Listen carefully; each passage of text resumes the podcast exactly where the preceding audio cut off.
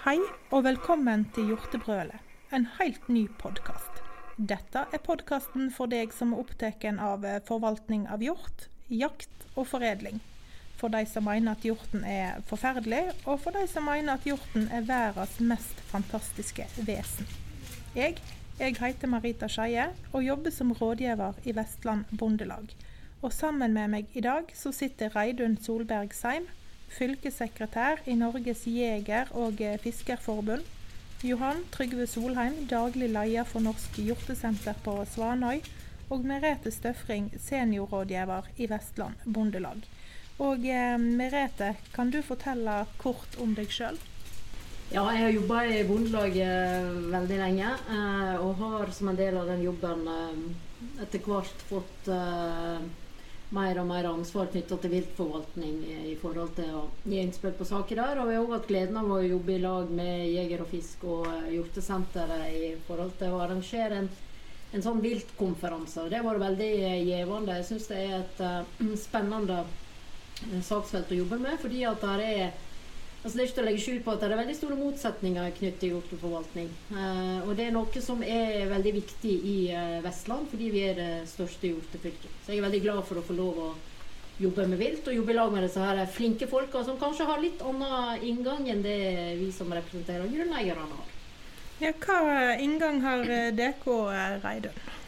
Norges jeger- og fiskerforbund er landets største interesseorganisasjon for jegere og fiskere. Så vi prøver å å ta vare på interessene til jegeren, og ta vare på viltet, og ta vare på viltet sitt leveområde. Og vi ønsker jo òg eh, ei stor, sterk hjorte, hjortestamme. Og vi har eh, hatt veld, veldig stor glede av å samarbeide med Hjortesenteret og Bondelaget og tidligere Skogeierlaget òg med på disse viltseminarene som Merete fortalte om. da. Og vi har prøvd å samarbeide med dem ellers òg. Så det er viktig at vi står sammen og, og kan nytte hverandres eh, kunnskap. Og uh, Johan Trygve, kan du fortelle om deg sjøl? Ja, Hvem du er? Johan Trygve Solheim. Jeg er som du sa, daglig leder for Norsk hjortesenter. Og Hjortesenter er jo da et nasjonalt kompetansesenter for uh, alle som er interessert i hjort. Være seg død eller levende. Men uh, poenget er at vi spenner fra alt fra hjortebonden, som jeg kaller det, som i dag driver med avla hjort eller oppdrett av hjort på gårdene sine, uh, til alle både grunneiere som har den fantastiske ressursen på eiendommene sine, og jegerne som bare springer etter disse spennende dyrene og høster og kunne jakte et overskudd som naturen produserer hver høst. da. Og um, jeg har den store gleden av i dag at dere er her med den første podkasten, og så tar ta inn på hjortesenteret da, på Svanøy. Uh, og litt om meg sjøl, så er det det at denne øya her som da ligger ytterst i Førdefjorden, i, i Sunnfjord, um, den ble bergtatt av for ganske nøyaktig 34 år siden. Da kom ut og så naturen her og mye av det spennende som skjedde her, og fikk jo da ganske tidlig en oppgave å se om det var mulig å skape noe rundt hjorteressursen. Og Det er det som da har blitt til Norsk hjortesenter. Så jeg har bakgrunn som sivilagronom og uh, har uh, ja, hatt stor glede av da å se hjorten i et litt sånn større perspektiv. Og det kunne ikke vi gjort fordi, alene, fordi vi er jo ikke noen medlemsorganisasjon. Vi er en kallet fagorganisasjon eller kompetansesenter. Og Da er det akkurat den viktigheten av å kunne samarbeide med disse to representantene for Bondelaget, med, som organiserer mange grunneiere som sitter på ressursen, og ikke minst en av de interesseorganisasjonene som har interesse av å kunne høste av dette overskuddet gjennom jeger og fisk. Så dette er veldig kjekt eh, å jobbe med, og òg kunne respektere det som Merete var litt inne på, det at det faktisk er, det er stor spennvidde. Altså det er ingenting å legge skjul på det. For noen er gjort en stor belastning. Eh, stor kostnad med bestanden, andre høster bare det overskuddet. Og Det er jo det som er litt av driven her. Hvordan skal vi få dette til å bli enda bedre i årene framover? Ja, og Nå starter jakta 1.9, og hvordan eh, har det gått så langt, eh, Reidun? Ja, det har gått bra så langt. Og vi har jo gleda oss i lang tid til 1.9. Det ligger mange timer på trening på skytebaner og trene seg sjøl før jakta og trene hundene sine, de som har hunder. Så det har liksom bygd seg opp da til jakta begynner Og eh, der som jeg jakter, så har vi kommet godt i gang. Og det bør vi gjøre òg, siden vi har eh, en stamme som er der mest om sommeren. Så vi må ta en del før de forsvinner ut. Og du kan jo se på Facebook og Instagram og sånt at det er mange, eh, mange glade jegere rundt omkring, da, med både store og større bytter. Så det er det er veldig kjekk tid på høsten. da. Du kan få høste av naturen. Og det er ikke bare hjorten du høster. Du høster jo både bær og sopp og alt mulig, så du blir liksom en del av naturen med dette med å jakte og fangste. Ja, Når en skal jakte, hva dyr skal en ta da? Ja, da har jo en en, en kvote å forholde seg til. Eh, og det er jo veldig mange eh, forskjellige meninger om hva en bør ta ut, og hva en ikke bør ta ut. Men det som de fleste er enige om, det er at en ikke bør eh, spare de største bukkene. Eh, og eh, her i, i, flere fylker i Sogn og Fjordane de prøver å ta ut mer eh, Nei, ikke kolle, men kalver og ungdyr. Dette kan kanskje Johan Trygve komme litt inn på seinere. Men eh, i alle fall så har vi en viss prosentdel av eh, kalver og en viss prosentdel av ungdyr og voksne koller og voksne bukker som vi skal eh, skyte. da. Så det må en prøve å forholde seg til hele veien, sånn at en har en god prosentfordeling. da. Så det er ikke vits Hvis du har ei, mange og eh, en, en, stor kvote, så kan du ikke bare skyte bukk, og så ikke skyte det andre. Du må liksom forholde deg til en viss prosentandel, sånn at du har riktig fordeling. Hvor godt kjenner du deg igjen i dette, Merete?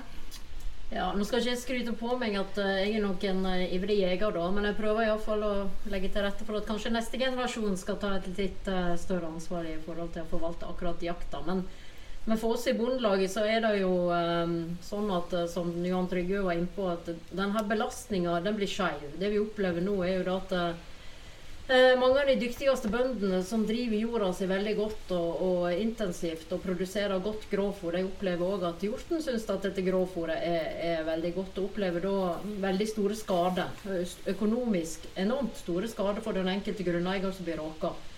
Eh, og så har du da samtidig en utvikling der du på en måte får eh, stadig flere eiendommer som kanskje blir mer fritidseiendommer, sånn at du får disse her interessemotsetningene.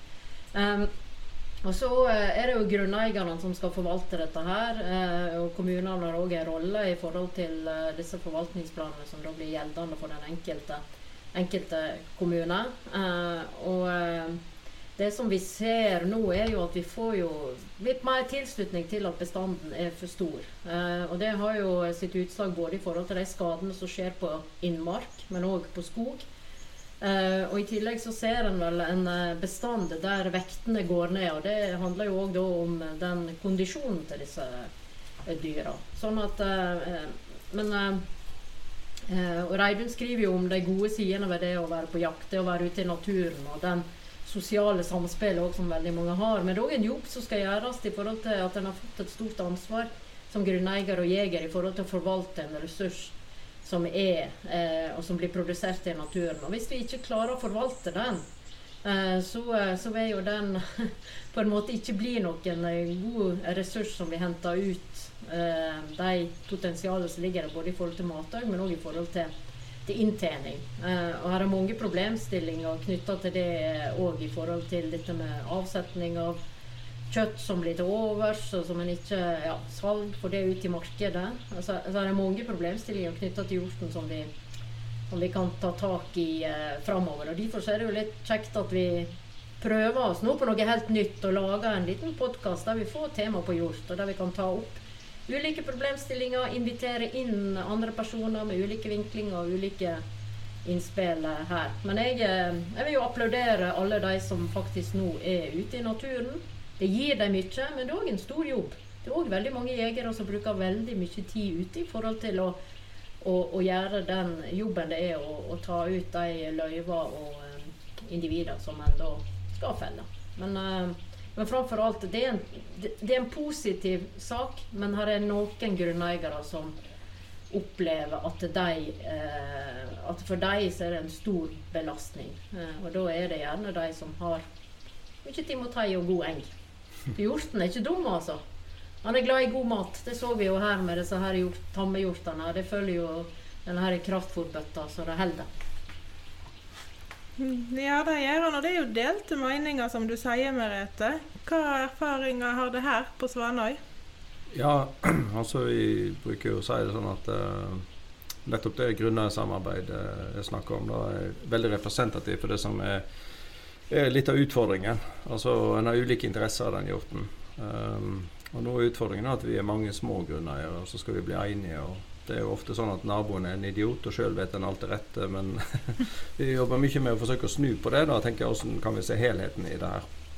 Og vi mener jo at hjorten er en fantastisk ressurs. Det er en historisk ressurs. Vi har kanskje ikke hatt så høye hjortebestander i Norge så langt tilbake som vi vet, i hvert fall. Da. Eh, men utfordringen ligger jo nettopp det som Merete understreker det med at noen tar en høy kostnad, og andre på en måte slipper billigere fra det. Og så finne den perfekte måte, modellen for hvordan vi kan forvalte denne fantastiske ressursen, er jo noe det vi nettopp ønsker å jobbe med og forsøke å løse. Men hva vi, er den perfekte modellen? Nei, altså det, Jeg tror ikke den finnes. Men uh, vi bruker å beskrive sånn at uh, de, vi har holdt på på en modell nå i 70 år. Eh, hvor vi har, eh, med bakgrunn i at vi har laget et arealkrav bak et løyve, så det er liksom styren for hvor mye jeg kan ta. og så En lager noen kvoter som både Reidun og Merete beskriver. Og der hadde jeg en drøm om at vi hadde et bunnlinjeprinsipp, f.eks. i forhold til kvote. For da har du Fra gammelt så var det liksom sånn 20-20, altså femfingerregelen skulle 20% av hver kategori. Eh, og hvis jeg da bare skjøt de bukkene og de kollene og lot resten gå, så var en jo like langt. Eh, så realiteten er jo at over de 70 årene så har vi hatt overbeskatning av hanndyr. Så det er veldig gledelig nå at det er en endring og forståelse for at de faktisk har en funksjon i naturen. Og ikke minst den tida vi går inn i nå, i brunsten, og hvorfor det er liksom hvordan det fungerer i hjorteskogen. Og så er det også gledelig i den forståelse at en ser at hvis en skal på en måte enten klare å bære bestanden på det nivået det er i dag, så må vi høste helt annerledes enn vi har gjort i 70 år. For at de skal klare om ikke annet snu trenden, eller kanskje få en mer sammenheng mellom beitegrunnlaget for å unngå kondisjonsreduksjonen, som Merete med rette beskriver, for å få sunnere bestand i snitt. da. Og uh, Det er veldig interessant når en tenker på liksom, Vi sa at en stor ressurs, ja, hvor stor er den egentlig? Altså I fjor ble det felt over 50 000 hjort under jakt i Norge. Det er historisk høyt. Og over de 70 årene vi snakker om, så har det vært høsta over 1,1 million hjort eh, fra norsk natur. Men det som er mest imponerende, er at de siste 20 årene så har vi høsta 750 000 av de. og så blir det da fremstilt i media som en voldsom eksplosjon, men det er det ikke. Altså, dette har kommet langsomt, men sikkert. Kolla for én kalv hvert år fra ca. 2-3 til 10-12 år ute i naturen. da. Eh, og så har vi overbeskatta hanndyr, så vi har liksom rekruttert. Og da er det en mer sånn eksponentiell funksjon, altså dette liksom tar litt av, og så kommer det som julekvelden på kjerringa. Men det burde det jo egentlig ikke ha vært. Og så er spørsmålet hva kan vi bidra med til å gjøre at vi høster mer fornuftig. Og da sier jo at den, den perfekte modellen fins kanskje ikke, men det fins kanskje en bedre modell enn vi holdt på med i 70 år. Det er jo det vi leter etter.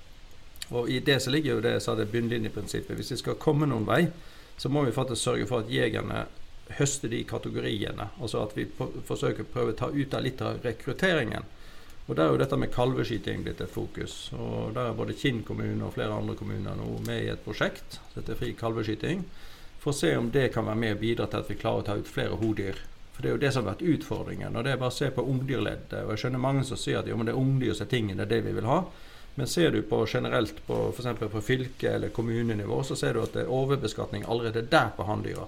Og så spissbukka er veldig lett å se. Alle kjenner igjen en spissbukk. Usikkerheten kommer når denne kolla står der. Er det ei fjordkolle? Er det ei stamkolle? så hva er det? Og hvis ikke vi klarer å, å ta unna rekrutteringen, så vil jo denne utviklingen bare fortsette. Uh, og når vi da vet at det er store strukturendringer i landbruket, dette med leiejord, og du skal dyrke det beste gresset, det vet jo selvsagt hjorten òg. Mens de som leier det ut, de har kanskje interesse at det er mest mulig hjort. Og da må vi få til en mer fornuftig fordeling, tenkning rundt det hvordan vi skal komme dit hen. Og neste utfordring som vi har, det er jo at uh, i tillegg til at en kanskje overbeskatter, eller ikke kanskje, vi vet det, overbeskatter hanndyrene og ikke er forplikta til å skyte de andre kategoriene før du får ta neste hanndyr, om du vil, uh, så er det jo en utfordring at mange slutter å jakte når den tredje fryseboksen er full. Så, så, det at jegerne får muligheten til å få bedre avsetning, jeg vil si grunneieren egentlig, mener jo vi, da, i mye større grad fokuserer på den todelte ressursen hjorten representerer. Det ene er jakt, glede med jaktopplevelsen jakt, som de kan leie ut eller bedrive sjøl. Og den andre er kjøttet som vi høster fra norsk natur. Hvordan du kan få kanalisert det til flere folk, egentlig. For det er ganske forstemmende når jeg går på butikker i Norge i dag, så er det veldig vanskelig å finne norsk hjortekjøtt, enten det er tamt eller vilt. Men du finner mye importert. Og jeg sier ikke det er noe galt med det. Men når det er så stort potensial å høste dette overskuddet, og mange folk vil ha stor glede av å få en middag med hjortekjøtt eh, på menyen, og gjerne norsk hvis de hadde muligheten til det, da har vi en jobb å gjøre. Rett og slett med å sørge for at det blir lettere avsetning, slik at folk andre steder òg, som nødvendigvis ikke er jegerfamilier, kan få lov å nyte den fantastiske ressursen. Hva tilbakemeldinger får grunneierne eh, og medlemmer i Bondelaget på hjorteforvaltningen som man er nå? Nei, det er klart Vi får jo ganske tydelige tilbakemeldinger fra de som, som har en uh, overbelastning i forhold til at de har uh, på en måte fôra på hjorten uh, vår og, og sommer og gjennom vinteren. Da, som gjør at de får kraftig reduserte avlinger i forhold til de husdyra som de da skal leve av. Så, så, er det jo sånn at han Siste år så var det skutt over 50 000 hjort. Og jeg tenker jo at hvis vi på en måte skal klare å få til det som målsettinga er, at vi skal få redusert bestanden For det er nå sånn at uh, jevnt over så er vi enige om at vi bestanden må ned. Uh, det trenger ikke være samme grunn til at vi mener det, men, uh, men jevnt over så, så, er det en jobb for å få en mer en redusert bestand som på en måte mer er i tråd med det ressursgrunnlaget en har. Og det blir jo stadig gjort ulik forskning sånn, i forhold til å, å kunne finne finne fram til dette. Men det er jo ikke tvil om at samarbeid kanskje på tvers av interesse er en løsning. Altså. Det er derfor det er litt kjekt at vi klarer dette her. fordi at, eh, at det er viktig. Og så, så mener jo vi i Bondelaget at uh, det er noe sånn at vi har skutt masse hanndyr. Det skal ikke så veldig mange hanndyr til. Jeg mener Johan Trygve han hadde to hanndyr her, han som skal bedekke alle kollene hans. Sånn det, det er jo ikke tvil om at det er på hodyr vi må redusere. Hvis vi skal redusere bestand, så må vi redusere antall hodyr. Eh, og så er det òg en annen ting, og den ser vi jo nå rundt Nordfjella og rundt Hardangervidda òg, i forhold til sykdomsbildet ser vi det. og da ønsker en jo å få redusert bestanden òg på hjort, for at du på en måte skal kunne få en bedre oversikt og ha en mer helsig, eh, helsig bestand. Så i de områdene der så begynte jo hjortejakt allerede i midten av august. Og sånn som i Lærdal så har de òg fri avskyting av ungdyr, ikke bare kalv. Sånn, sånn at det blir jo gjort en del forskning nå eh, og forsøk som, som, jeg håper vi kan lære mye av, og at det da etter hvert vil påvirke den forvaltninga som grunneierne da gjør lokalt i sine områder, tenker jeg. Hvor eh, bevisste er folk på hva de skyter? Hva erfaringer har eh, du fra dine medlemmer, Reidun? Den bevisstheten tror jeg blir bedre og bedre. Eh, jeg, jeg, hører jo om at det er noen som er litt fortvila for at de skal skyte mye eh, koll og kalver og ungdyr, og som kanskje ikke har det. Og eh, en av eh, ja, For å forbedre dette der, så burde det jo vært et mye større samarbeid mellom jaktlagene. Eh, for en del år siden så ble det dannet sånne storvalg som skulle eh, lage et lite grunnlag for samarbeid. Men jeg opplever det som det er samme som før. Det er veldig lite samarbeid. Eh, noen jaktlag de har eh, stor stamme ut av både koller og kalver, og andre jaktlag har kanskje stor stamme av eh, bukker. At akkurat i jakta så er det mye bukk i, i sitt område, eller omvendt. Og da burde en kunne samarbeide mye, mye bedre enn det en gjør i dag, da. Det tror jeg eh, kan øke, øke bestandsnedgangen mye, hvis en får til samarbeid. Og så er det klart òg at vi har jo en jobb å gjøre med rekruttering. Det er um, Alderen på den gjennomsnittsjegeren den er ganske høy, og det er gjerne en mann i godt voksen alder. Så vi, det er viktig å få rekruttere unge, både jenter og gutter, til å være med og jakte. Hvordan går det med rekrutteringen?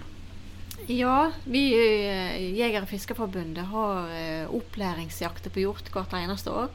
Vi har òg eh, introjakter og eh, hjortejakt for damer, bl.a. Eh, vi syns gjerne at vi kunne hatt flere deltakere. og viser jo, eh, Undersøkelser viser jo det at det er en del som ikke kommer seg ut på jakt etter å ha tatt jegerprøver. Sånn at vi må prøve å fange dem opp bedre. da, Følge dem opp etter jegerprøvekurset for å få dem med ut på jakt. Og så må jaktlager være flinke til å ta imot eh, nye og unge jegere. Må være, ta dem, ja, være, ha åpne armer og ønske dem velkommen. Det er, ikke, det er ikke alle som gjør det, og noen er veldig flinke. Men det er store forskjeller, da. Mm. Så Det ene som kan være litt eh, interessant, da, det er dette med Vi snakker om den bestandsreduksjonen. og Jeg er helt enig i at uh, at, altså det er ingen også rundt her som er enige om at nå har vi en historisk høy bestand. Og så er det store spørsmålet hvor mye kan vi ha? Og Hvis du ser på det faglige grunnlaget, så kan det være mye mer eh, gjort i norsk natur. Det plasser mye, mye mer. Landet vårt gror igjen en klimaendring som er hjortens favør. Eh, men det er det at det er andre arealbruksinteresser, og det er jo det vi snakker om. Hvordan vi får dette til å henge i hop. Um, og da, da må Johan Trygve komme og sette opp gjerde rundt hele Nei, nei, nei men da, da, tenker jeg at det, det, viktigste nå at vi klarer på en måte å få til en forvaltning så er sånn at vi tar ut rekrutteringa. Sånn, altså at vi klarer å stabilisere det. At vi, de dyra som går igjen etter jakt, er de synne, det er de beste dyra som går igjen.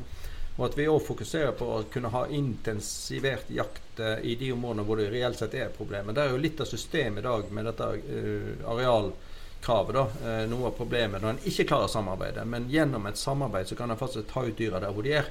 Og Det er jo det som er utfordringen til grunneieren. For nå har det vært en grunneierstyrt forvaltning siden 1899. Eh, Dvs. Si den var egentlig overstyrt lenge, men i prinsippet så var det et vedtak om at det var grunneierstyrt. Så myndighetene overstyrte, og så kasta myndighetene kortene omtrent i år 2000 skjønte at dette har ikke vi kontroll på, her må vi delegere ned til grunneiernnivå igjen. Og den muligheten mener vi grunneier, for jeg er grunneier sjøl. Jeg er jeger sjøl, altså jeg har på en måte alle hattene du skal ha på her. Og jeg, jeg, prøver å forstå liksom, Hvis jeg sitter som grunneier, hva, hva, er rolla mi da? Hva, hva, er egentlig oppgaven min? Og prøve å skille det fra denne jegerhjertet som kanskje overstyrer grunneierhjertet her. Og Det er jo det som handler om det samarbeidet. og Da må grunneier være grunneier og samhandle med de andre grunneierne. Og sette premisser for hva enten de vil jakte sjøl eller slippe andre til å jakte for seg, skal gjøre for at vi skal nå de felles målene. Så vi har jo sagt alle tre det samarbeid det er nøkkelen. Og så forstå mekanismen i dette. her. Og Det er jo kunnskapsgrunnlaget. Og det har kanskje aldri vært et bedre kunnskapsgrunnlag enn det vi har i dag.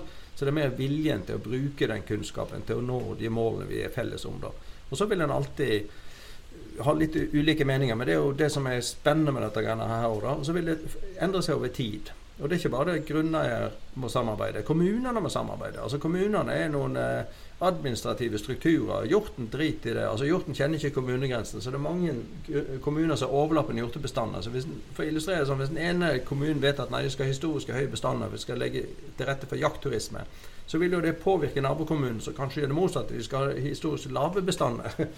Så det er jo den, det samarbeidet. Enten det er nabo, naboer, to grunneiere, eller det er på en måte kommuner store. og Da er det viktig å forstå betydningen av forvaltningsområdene, altså størrelsen. Og disse hjortene bruker store områder. Det er vår felles ressurs vi snakker om, og den må vi bli bedre samarbeide med. Skal vi løse dette her? Og det er vi enige om at vi skal løse. Ja, hvordan skal det få folk til å samarbeide bedre? Er jo jeg nysgjerrig på. Det har vi en egen podkast på.